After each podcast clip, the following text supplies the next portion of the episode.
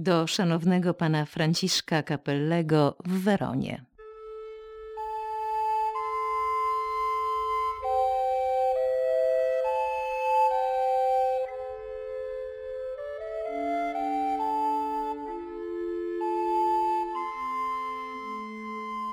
Cordialissimo Padre in Cristo, salute. O desiderato più volte di salutarvi, Najserdeczniejszy Ojcze w Chrystusie, przyjmij pozdrowienia. Wielokrotnie chciałam przesłać Ci moje pozdrowienia, ale moje słabe zdrowie nie pozwoliło mi tego uczynić. Musisz wiedzieć, najsłodszy Ojcze, że wielokrotnie rozważałam Twe pełne troski słowa. Doszłam do wniosku, że są one mi tak przydatne, że zdecydowałam się wyjść z letargicznego stanu mego ducha. Rzeczywiście przekonałam się co do jednej rzeczy, że pod pozorem posiadania fałszywej pokory i pozorem braku jakichkolwiek duchowych łask osłabłam i prawie złamałam moje zobowiązanie pomagania innym.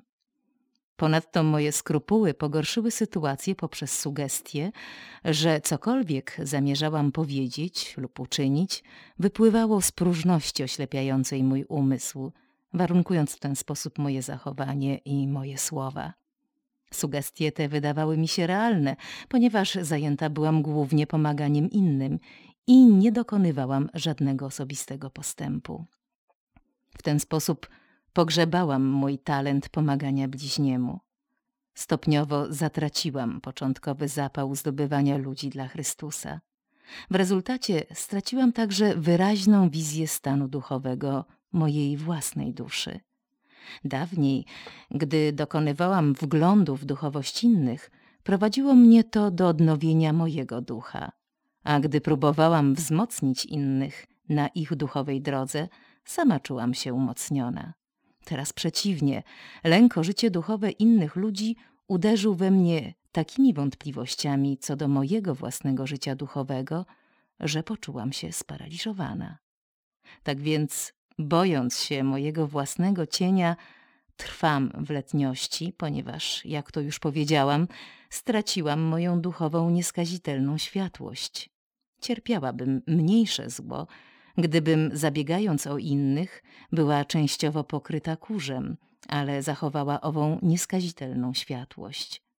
Natomiast zostawiając innych, doświadczałam większego zła i tak straciłam tę światłość.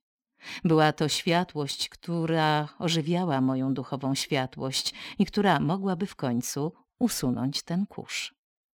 Zobacz, drogi ojcze, co potężny lęk czyni z wrażliwym temperamentem. Z jednej strony i nie lękać się go, i nie pozwolić niepokoić się i denerwować się czasami przez innych, to zawsze przyczynia się do naszej nadwrażliwości.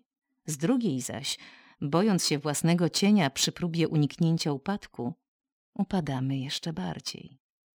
Ponadto, jeśli chcemy stać się całkowicie mocni wewnętrznie, to musimy walczyć i pozwolić kontrolować się po dłuższej walce. My nie możemy zostawiać wielkich bojów, by podążać za mniejszymi.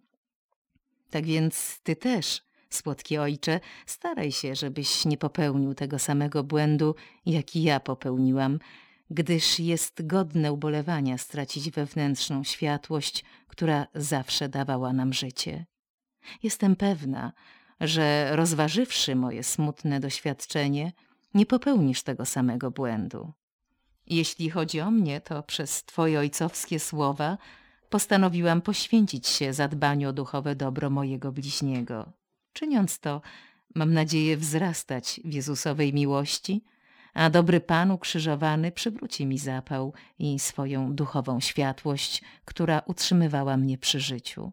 W końcu będę żyła w pewności, a nie w śmiertelnych wątpliwościach, które czyniły mnie podejrzliwą w stosunku do każdego natchnienia, jakie otrzymywałam. Jestem przekonana, że z pomocą Chrystusa i Twoich modlitw ponownie będę mogła rozpoznać, co jest prawdą, a co fałszem, co pewnością, a co wątpliwością.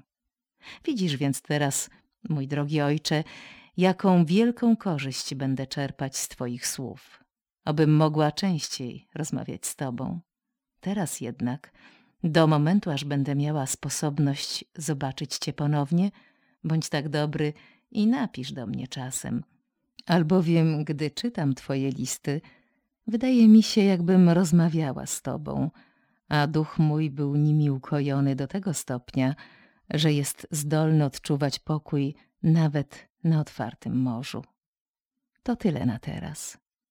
Moje szczere życzenia i ukłony dla Madonny Anny, Cecylii i ojca, który przy innej okazji napisze do ciebie. Ojciec poleca się twoim modlitwom, a także modlitwom pana Agostino, pana Gerardo i wszystkim innym.